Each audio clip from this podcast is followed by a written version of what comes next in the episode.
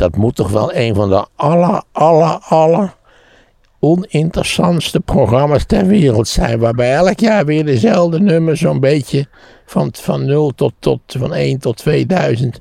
Dat is toch verschrikkelijk. Er zijn heel grote En ze zijn er dagenlang mee bezig, helemaal niet. Dat valt nog aan mee met die kijkcijfers hoor. Nou, er zeggen altijd miljoenen luisteraars naar de radio. En iedereen haalt herinneringen op met de muziek. Ze doen maar. Het verlossen, kunt u mij horen? Ik kom nooit, zelden of nooit in de supermarkt. kan namelijk niks vinden. Dus je moet voortdurend mensen aanspreken om van, weet u misschien waar de worsten liggen, zal ik maar even zeggen. En dan blijkt het altijd klanten te zijn en niet medewerkers van de winkel. En die, die zijn altijd toch vrij pissig als je dan vraagt waar de worsten liggen. We hebben toch zo'n jasje aan dat je ze herkent. Nee, niet altijd. Volgens mij die vakkenvullers, die, die, die zijn vaak gewoon gekleed zoals ze altijd gekleed zijn, zou ik maar zeggen. En het moeilijkste is als je dus iets heel kleins doet. Bijvoorbeeld paneermiddel. Ja, of, of God, ik heb ook eindeloos gezocht naar bier 0.0. Want het was altijd met zo'n, het is een rek met bier, nou je houdt het niet voor mogelijk werkelijk. Ja. En dat is er dan net niet bij. ja. Ja, maar dit is een leveringsprobleem, dat soort dingen. Kun je nagaan dat het hier alleen nog eh, levensmiddelen zijn. In Amerika en ook in Frankrijk kun je dus alles krijgen. Als je een tuinset zoekt, kun je die ook in de supermarkt kopen. Ja, ja, je hebt in Amerika winkels die zo gigantisch groot zijn. Dat is echt ongelooflijk. Daar heb je eigenlijk alleen al aan de salademixen. Hè, bij ons, eh, ik weet niet wat, ik weet niet eens of dat bij ons nog gebruikt wordt. Salademix? Vast Ja. wel. En dan heb je dus duizend, het, hoe heet het, Thousand Island Dressing heet dat ook. En, maar daarvan, van dat type spul, heb je duizend verschillende smaken. Dat is echt ongelooflijk. Interessant is in Amerika altijd de afdeling eh, eh, bloemetjes en plantjes. Want dat is wel zo ongelooflijk waardeloos. Amerikanen kunnen een plantje niet in leven houden. Als je dat vergelijkt met een Nederlandse bloemenwinkel of het Nederlandse bloemenaanbod, dat is echt van een treurigheid. Ook als je in New York echt indruk wil maken op mensen waar je uitgenodigd bent, dan moet je een bosje tulpen meebrengen. Die tulpen zijn namelijk tien keer zo duur als hier. Je begrijpt, die worden gewoon uit Nederland aangevlogen. Maar dat vinden ze zoiets geweldigs. Ja, wat bij ons is, wat bij ons een bosje tulpen. Bij het scheiden van de markt kun je ze vaak half voor niks krijgen. Nou ja, dat is, eh, ik, ik vond die winkels in Amerika veel te groot. Ik heb niks met grote winkels, echt 0,0. Ah, nu je het zegt. In, Amerika, in, Amerikaanse series zie je ook nooit planten of zo. Of bloemen op tafel staan. Nee, nee. Dat is heel duur, want ja, dat, ze, hebben er geen, eh, ze hebben er geen oog voor, geen interesse voor, en geen talent voor. Ehm, eh, de nieuwe Maarten is uit. Ja, zo is dat. Eh, vier keer per jaar verschijnt hij, hè? Vier maanden per jaar, dat is een echt kwartaalschrift, zoals dat heet. Ja, en ik vond het leuk dat jij ook nog... Je bent een soort van hoofdredacteur, hè? Dus jij zit nog bij de Niet een redactie. soort van hoofdredacteur, maar gewoon samen met Annemarie, de hoofdredacteur. Dus jij zegt, dit vind ik niks en dit vind ik leuk. Zo is het maar net, ja. Ja. Ik moet zeggen, ik word door de, de redactie wel afgeremd in mijn, in mijn, laten we zeggen, fanatisme over eh, bepaalde onderwerpen. Ze zeggen, dit Wat kunnen we beter mij- niet Ja, doen, wat Maarten. mij betreft zou er in elk nummer een fijn artikel over de stoommachine moeten staan, maar daar voelen ze dus niet zoveel voor. Eh, maar in, in principe, ja, bepaal ik, of samen met de redactie, wat erin komt. Ja, dit is ooit als een grap begonnen, toch? Ja, het was een geintje. Lang, lang geleden. Het bestaat nu, ik geloof, eh, sinds 2008. Dus uh, reken maar uit, komend jaar is dat eh, 14 jaar, 15 jaar, zoiets. En eh, het Historisch Nieuwblad maakte altijd een zomernummer. Want had je de zomer dan juli, augustus Ja. gecombineerd en een extra zomernummer. En dat, dat had altijd een gasthoofdredacteur. En op dat, ik was al heel lang, was ik, eh, niet meer, maar toen al heel jarenlang, was ik columnist van het eh, Historisch Nieuwsblad. En toen vroeg de hoofdredacteur Frans Smits of ik de hoofd, of ik de redactie wilde voeren van het zomernummer. Zo gezegd, zo gedaan. 2008 ging vooral over populisme en natuurlijk de verkiezingen in de Verenigde Staten. 2008 was natuurlijk een verkiezingsjaar. En eh, eh, voor de gein zei hij, wilde hij mijn hoofd voor op, dit, op dat nummer. Als een soort van personality tijdschrift. Een beetje een send-up van een personality tijdschrift. Het idee was ironisch komisch. Ja. Het was in dezelfde tijd dat de Linda ook opkwam, hè? Ja, had toen, Jan en Alleman had toen zo'n personality tijdschrift. En dat leek hem een leuk idee. Ik was daar niet zo'n geweldige voorstander van, maar ach, tenslotte dacht ik, dat moet dan maar één keer. En eh, hoewel het eh, Historisch Nieuwsblad heel behoorlijk verkocht werd, eh, werd dit nummer, daar zijn er, ik geloof, 50.000 van verkocht. Dus je begrijpt, toen zei de uitgever, zei gewoon een leuk idee. En eh, kunnen jullie dat dan niet op eh, bescheiden basis voortzetten? En zo gezegd, zo gedaan. Dus toen hebben we het jaar daarna, ik geloof, één nummer gemaakt, of twee. Weet ik al lang niet meer. Het is hartstikke lang geleden natuurlijk voor een bejaarde. En dus geleidelijk aan zijn we meer nummers gaan maken. Dat, dat liep ook wel. En toen kwam eigenlijk de crisis. En tenslotte hebben we te veel van het goede gedaan. Hadden we zes nummers per jaar. Daar werd ik ook stapelkrankzinnig van. Dus daar zijn we mee gestopt. En toen zijn we weer teruggegaan naar vier. En het is nu al jaren en jaren is het vier. Vier stuks per jaar. Dat is net mooi. Dat kan ik net aan. In principe schrijf ik drie stukken per nummer. Dus ik moet toch al twaalf stukjes schrijven elk jaar voor de Maarten. Daar heb ik op zichzelf geen bezwaar tegen. Dat is goed te doen. En dat is meestal één heel lang stuk. Nou ja, heel lang ook interessant om te weten dat uit onderzoek bleek, we hadden vroeger altijd stukken van 5000 woorden. Dat is te veel. Zelfs voor al die enorm serieuze abonnees van de Maarten was 5000 woorden echt veel te veel. Ja, want met de lettertype, wat is het lettertype 12 of zo, of 11? Ik heb geen idee wat het lettertype is. Het is normaal, normaal drukwerk. Uh, dus toen zijn we teruggegaan naar 2500 woorden per. Dus dat is het, zijn de langste stukken die erin staan. En dan heb je nog wat strooien goed met de kortere stukken.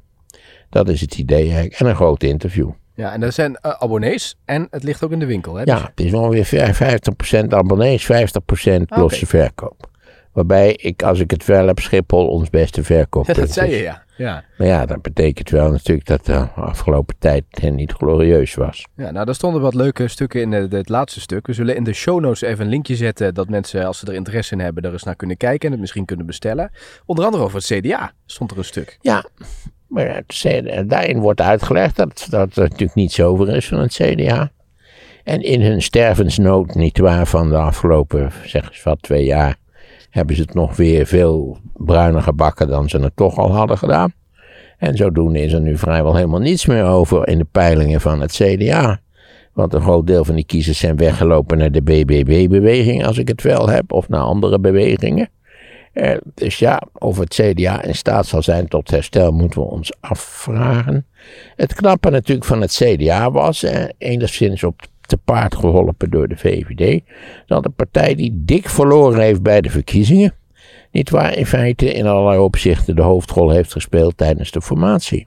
Doordat de VVD doodsbenauwd was om een al te linkse indruk te maken eh, tijdens het formatieproces en, en bij de uiteindelijke regeringsploeg met de uiteindelijke regeringsplannen. Al is nog, geloof ik, de indruk dat D66 beter heeft gescoord dan de VVD als het gaat om, het uh, regerings, uh, om de regeringsplannen. De inhoud inderdaad, ja. Ja. ja want... uh, ik begrijp hoe graag ik dat zeg. En niet overigens omdat ik zo geweldig van, de, van D66 ben, daar heb ik op gestemd, maar uit strategische overwegingen. Maar vooral natuurlijk om, om de VVD te jennen. Niet waar? Ja, de VVD is de partij die verantwoordelijk is voor vrijwel alle ellende. Niet waar? Mede geholpen overigens door andere partijen. Dat CDA was er wel altijd bij, hè? Daar was het CDA ja. altijd bij. En D66 is daar voor een belangrijk gedeelte ook bij geweest. Maar we zijn, ik heb het vaker gezegd, ik zeg het nog maar een keer. Herhaling niet waar is het belangrijkste principe van alle onderwijs. Uh, wij zijn heel slecht en slordig bestuurd in de afgelopen 20 jaar. Ja, maar gelukkig wordt dat nu wel hersteld in de nieuwe mm, Dat hopen we. Dat, nou, dat hebben ze beloofd, hè? Ze hebben gezegd, we gaan helemaal ja, doen. veel beloven, weinig geven, doet de gek in vreugde leven. Dus laten we dat eerst maar eens even heel rustig afwachten. Er is nog steeds geen ministersploeg. We horen wel geleidelijk aan wie er niet in mogen. Die natuurlijk allemaal, ja, vanwege familie, willen we aandacht meer bij aandachtsbestedende familie. Wil iets heel anders gaan doen, wel hele mooie, nuttige dingen. Ja, Sander Dekker zodat, heb ik gehoord. zodat niemand hoeft te zeggen dat hij er gewoon uitgekeild is. Ja. ja, dan houden ze de eer aan zichzelf. Ja, hè? zo heet ze- dat, ja. Dus je Maarten- wordt ruim op tijd word je geïnformeerd dat ze zeg, er is geen plek voor je. Dus eh, zorgt dat je, dat je wat meer aandacht aan je familie wil gaan besteden. Ja, op het moment dat wij dit opnemen is het nog niet bekend dat, wie dit gaat worden. Maar Rutte gaat vol- volgens mij maandag de eerste gesprekken voeren. En zondag worden dan de eerste namen bekendgemaakt die dus nu door de AIVD gecheckt Nou, ik ben worden. erg benieuwd, want die moeten natuurlijk gecheckt worden. Hè? Is of overigens die, die check is niet zo heel erg spannend. We Nee, begrepen. dat heb ik ook altijd begrepen. De belastingaangifte wordt even gekeken en of je niet in, eh, bij de justitie ergens geregistreerd staat en that's it. Ah, ah. Ja, je moet een verklaring van goed gedrag hebben. Ja. Ja, ik herinner me dat ik per ongeluk in de gemeenteraad was gekozen. En dan moest je ook plekje een verklaring van goed gedrag te hebben. Moeten hebben. Hoe krijg je dat? Kun je er ergens op vragen of zo? Ik heb geen idee. Ik heb geen idee, want uiteindelijk, ik wou er helemaal niet in. Dus ik uiteindelijk kostte het enige moeite om er weer uit te komen. Het was een administratieve fout, was het in feite. Dus ik heb nooit een verklaring van goed gedrag hoeven af te geven. Je begrijpt dat ik dat totaal idioot vond. Ja. Een verklaring van goed gedrag. Nou, ik weet veel jongeren die naar festivals gaan en die met drugs gepakt worden. Die worden geregistreerd en die kunnen dan niet meer zo'n verklaring. Nee, daar zit je bij je goed te klos natuurlijk, ja. Het is ook niet verstandig om met drugs naar een festival te gaan Ja. buiten Nederland. Dat is natuurlijk... Nee, maar dat was in Nederland ook. Oh, het was ook in Nederland, Ja. oké. Hebben ze helemaal van die straten waar je helemaal Ik weet gecheckt helemaal niet precies wat er dan strafbaar is, wat je wel en niet bij, bij je mag hebben. Nou, die hadden wat te veel pillen bij zich. En dat wordt dan weer verdeeld tussen allemaal vrienden op dat festival. Zo gaat het natuurlijk. Ah, nou ja, ik vind dat dus niet zo verschrikkelijk erg, moet ik zeggen. Omdat je ten aanzien natuurlijk van de verdovende middelen, we hebben dat nog nooit eigenlijk om uitgebreid behandeld. Natuurlijk, Kijk, dat de strijd tegen de drugs, dat dat een verloren strijd is, daar hoeven we verder niet zo moeilijk over te doen. Maar het wordt wel tijd dat we ooit de conclusies trekken uit de verloren strijd tegen de drugs. De war on drugs in de United States, sorry Verenigde Staten, eh, is natuurlijk ook al lang en breed verloren. Daar worden tientallen miljarden in gepompt via die FDA. Maar het helpt niet. En dat heeft een heel eenvoudige oorzaak die we wel even kunnen benoemen. Kunnen we later eens praten over de vraag wat we dan zouden moeten doen. Namelijk dat het gebruik van die verdovende middelen, een lijntje cocaïne, die suffe pillen waar jij het over had, waar je dan dus eh, ontzettend fijn van kan dansen. ja, god, ik vind het allemaal flauwekul, maar dus ik, ik moet er ook voorzichtig over zijn. Ik begrijp nooit waar mensen zich over opwinden op dit punt. Ik vond dat een biertje altijd ruim voldoende. Maar dan hou ik helemaal niet van dansen. En Gewoon nutteloos gezwaaid. je kunt ook andere dingen daardoor doen, hè? Ik dwaal af, ik dwaal af. Het gaat erom dat dat gebruik van die pillen en het lijntje cocaïne en wat ze voor andere rare troep naar binnen werken, nietwaar, eh, om zich tijdelijk gelukkig te voelen. Dat mensen dat niet als een strafbaar feit zien. Die zien dat niet als iets wat crimineel is. Die zien het als iets van, ja, waarom niet? Wat is er tegen? Waarom is het erger om zo'n pilletje te slikken dan om, om laten we zeggen, ze laveloos te drinken aan alcohol? Alcohol is een harddruk. Hè? Het aantal verslaafden aan alcohol is, wat zou het zijn in Nederland, 600.000 of zo. En dan, en hebben we nog een hele grote grijze groep van probleemdrinkers, zoals je weet. Ook niet best, ook allemaal mensen die om 12 uur al denken, zo, zullen we eens een flesje open trekken. ja. 12 uur 's middags. Nou ja, denk aan de Engelse koningin, de ex, eh, bedoel de moeder van Elisabeth. Die is 101 geworden, ik wijs er maar even op. Die trok altijd om 12 uur een fles champagne open. ja, dat was de heel... Die zal ze niet in een eentje naar binnen hebben gewerkt, maar daar werd er wel een glaasje geschonken, ja. Het is beide vergif, hè? Alcohol en drugs, beide vergif wat je lichaam mag Nou ja, alcohol, nicotine, het is allemaal levensgevaarlijk vergif. Eh, slaappillen, levensgevaarlijk verslavende rommel. Van, gebruikt u slaappillen, stop ermee zou ik zeggen. Kijk of het op een andere manier gaat. Sta op, drink een glas warme melk. Mensen Lees een deze, raar boek. ze luisteren Eh, deze podcast, hè? Er zijn mensen die zeggen, ik kan niet zonder de podcast eh, in slaap vallen. nou, dat, dat, dat vind ik hartstikke fijn, want ik ben een gratis slaapmiddel dus. Ze hoeven er niet voor te dokken. Het is niet verslavend. Hè? Het, is, het is voor de fysiek is het niet slecht. Ik kan me niet voorstellen dat ze oorpijn hebben gekregen of anderszins klopverschijnsel in de schedel. Nee. Dus dat lijkt mij een ideale oplossing. Ja. Ik sprak laatst een vrouw en die zegt, ja, jullie, liggen tussen mij en mijn man in. Dan hebben ze zo'n kastje of zo'n telefoon. Oh, ik die- juich het van harte toe. Ja. Hey, waarschijnlijk is die man die is al lang in slaap. Niet waar, en dan die mevrouw ligt nog te tobben. Ja. Vrouwen zijn meestal meer tobbers dan mannen. Ja, maar het is bij die festivals toch wel raar dat er dus aan de, aan de entree wordt er constant gecontroleerd. Dat moet dan hè, vanuit, eh, vanuit de overheid. En eh, na afloop en ook tijdens het festival wordt er overal water uitgedeeld. Want als ze aan de pillen zitten, willen ze Ja, helemaal geen bier heb drinken. schijnt dat het heel, als je uitdroogt, dat is rampzalig. Ja, er wordt alleen maar water gedronken. Maar het gaat om het punt dat het gebruik van deze middelen niet wordt gezien als een criminele activiteit. Mensen vinden het eigenlijk heel normaal.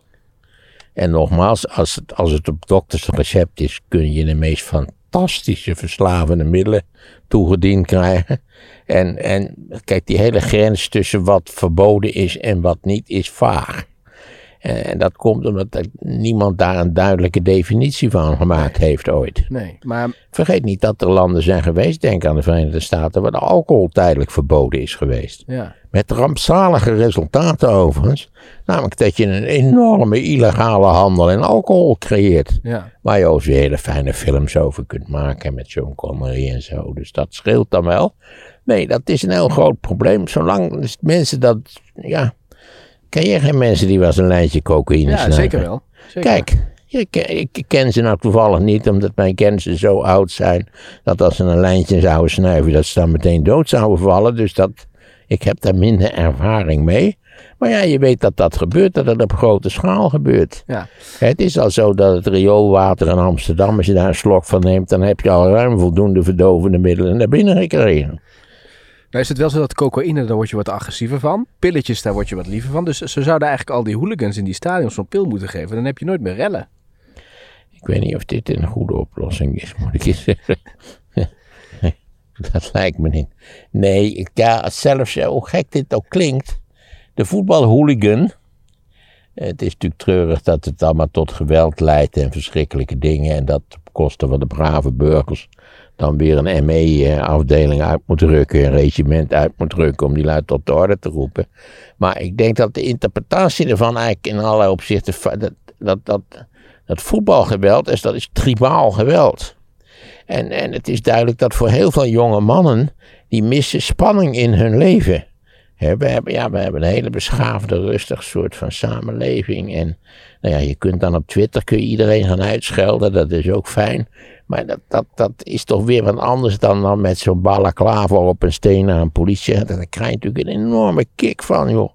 En die endorfine die beginnen te stromen, dat is ongelooflijk. Het is een soort, bovendien is het, je weet dat het een ritueel is.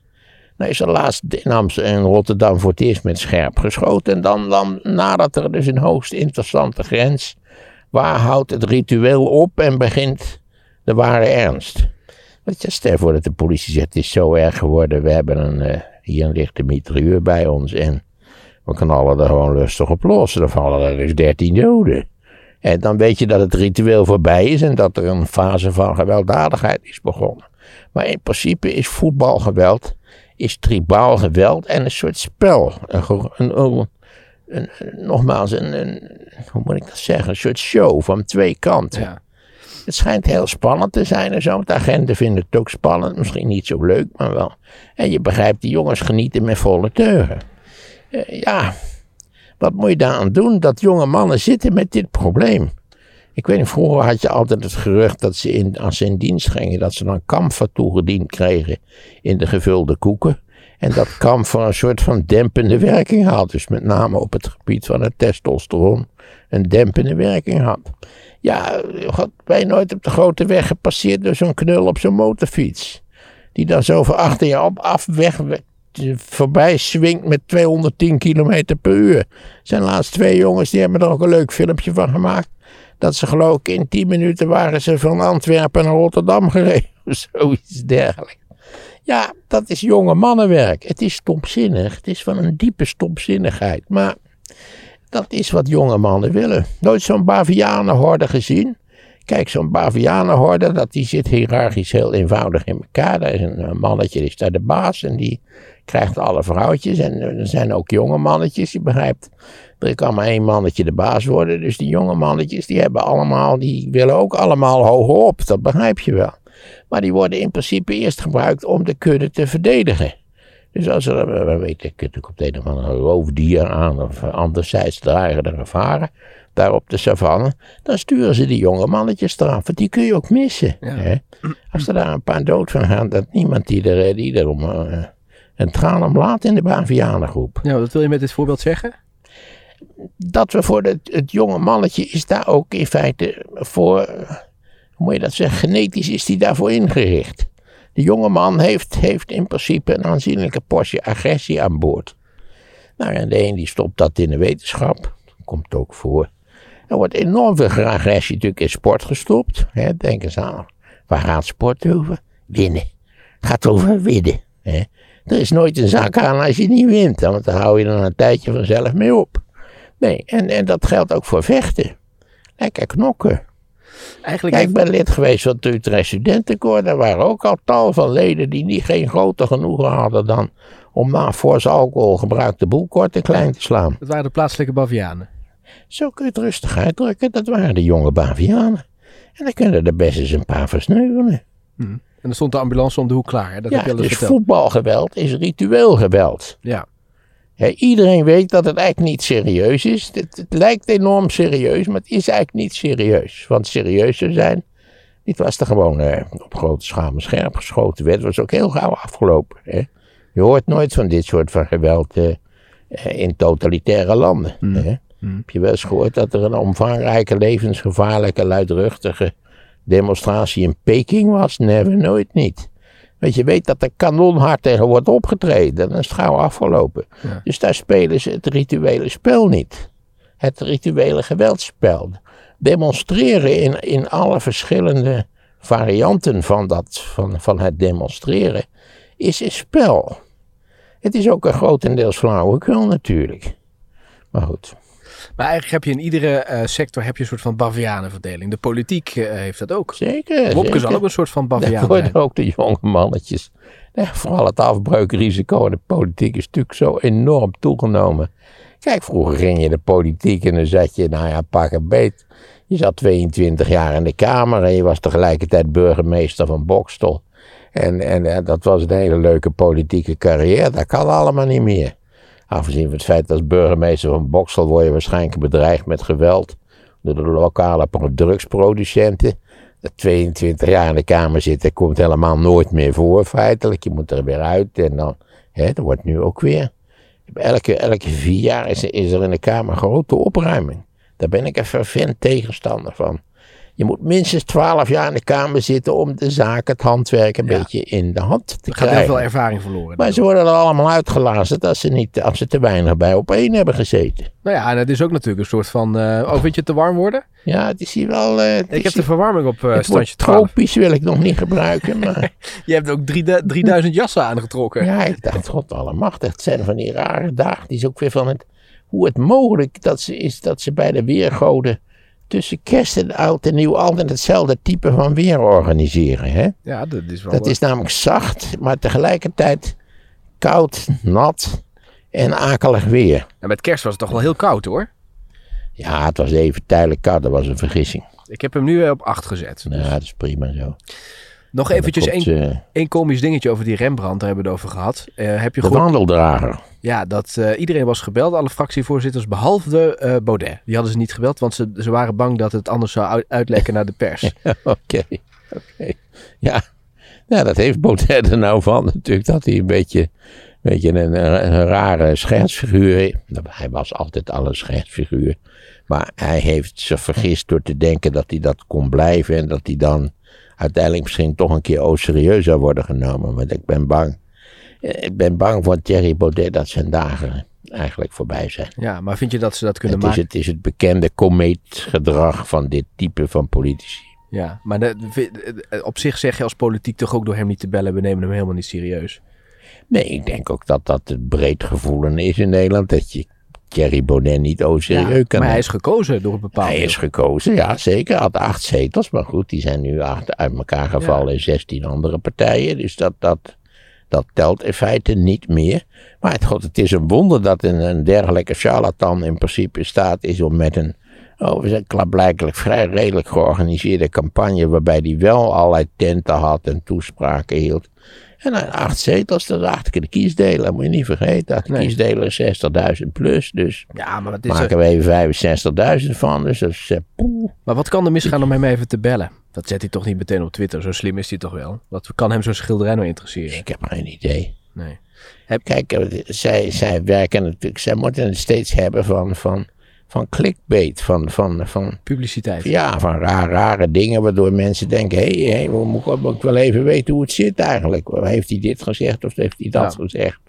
Ja, het is, ja, god, het is kermispolitiek. Ik heb het lang geleden al eens een keer gezegd, het is allemaal kermispolitiek. Je hebt er niks aan, dat is het jammer ervan. Dat die partijen natuurlijk uiteindelijk honderdduizenden, zo niet miljoenen mensen hebben gestemd. De PVV, Forum voor Democratie, de BBB-beweging en wat hebben we nog niet meer. En je hebt er geen bal aan, omdat je, je kunt niet met ze regeren, omdat ze idiote programma's hebben. Het is natuurlijk nu doodtij.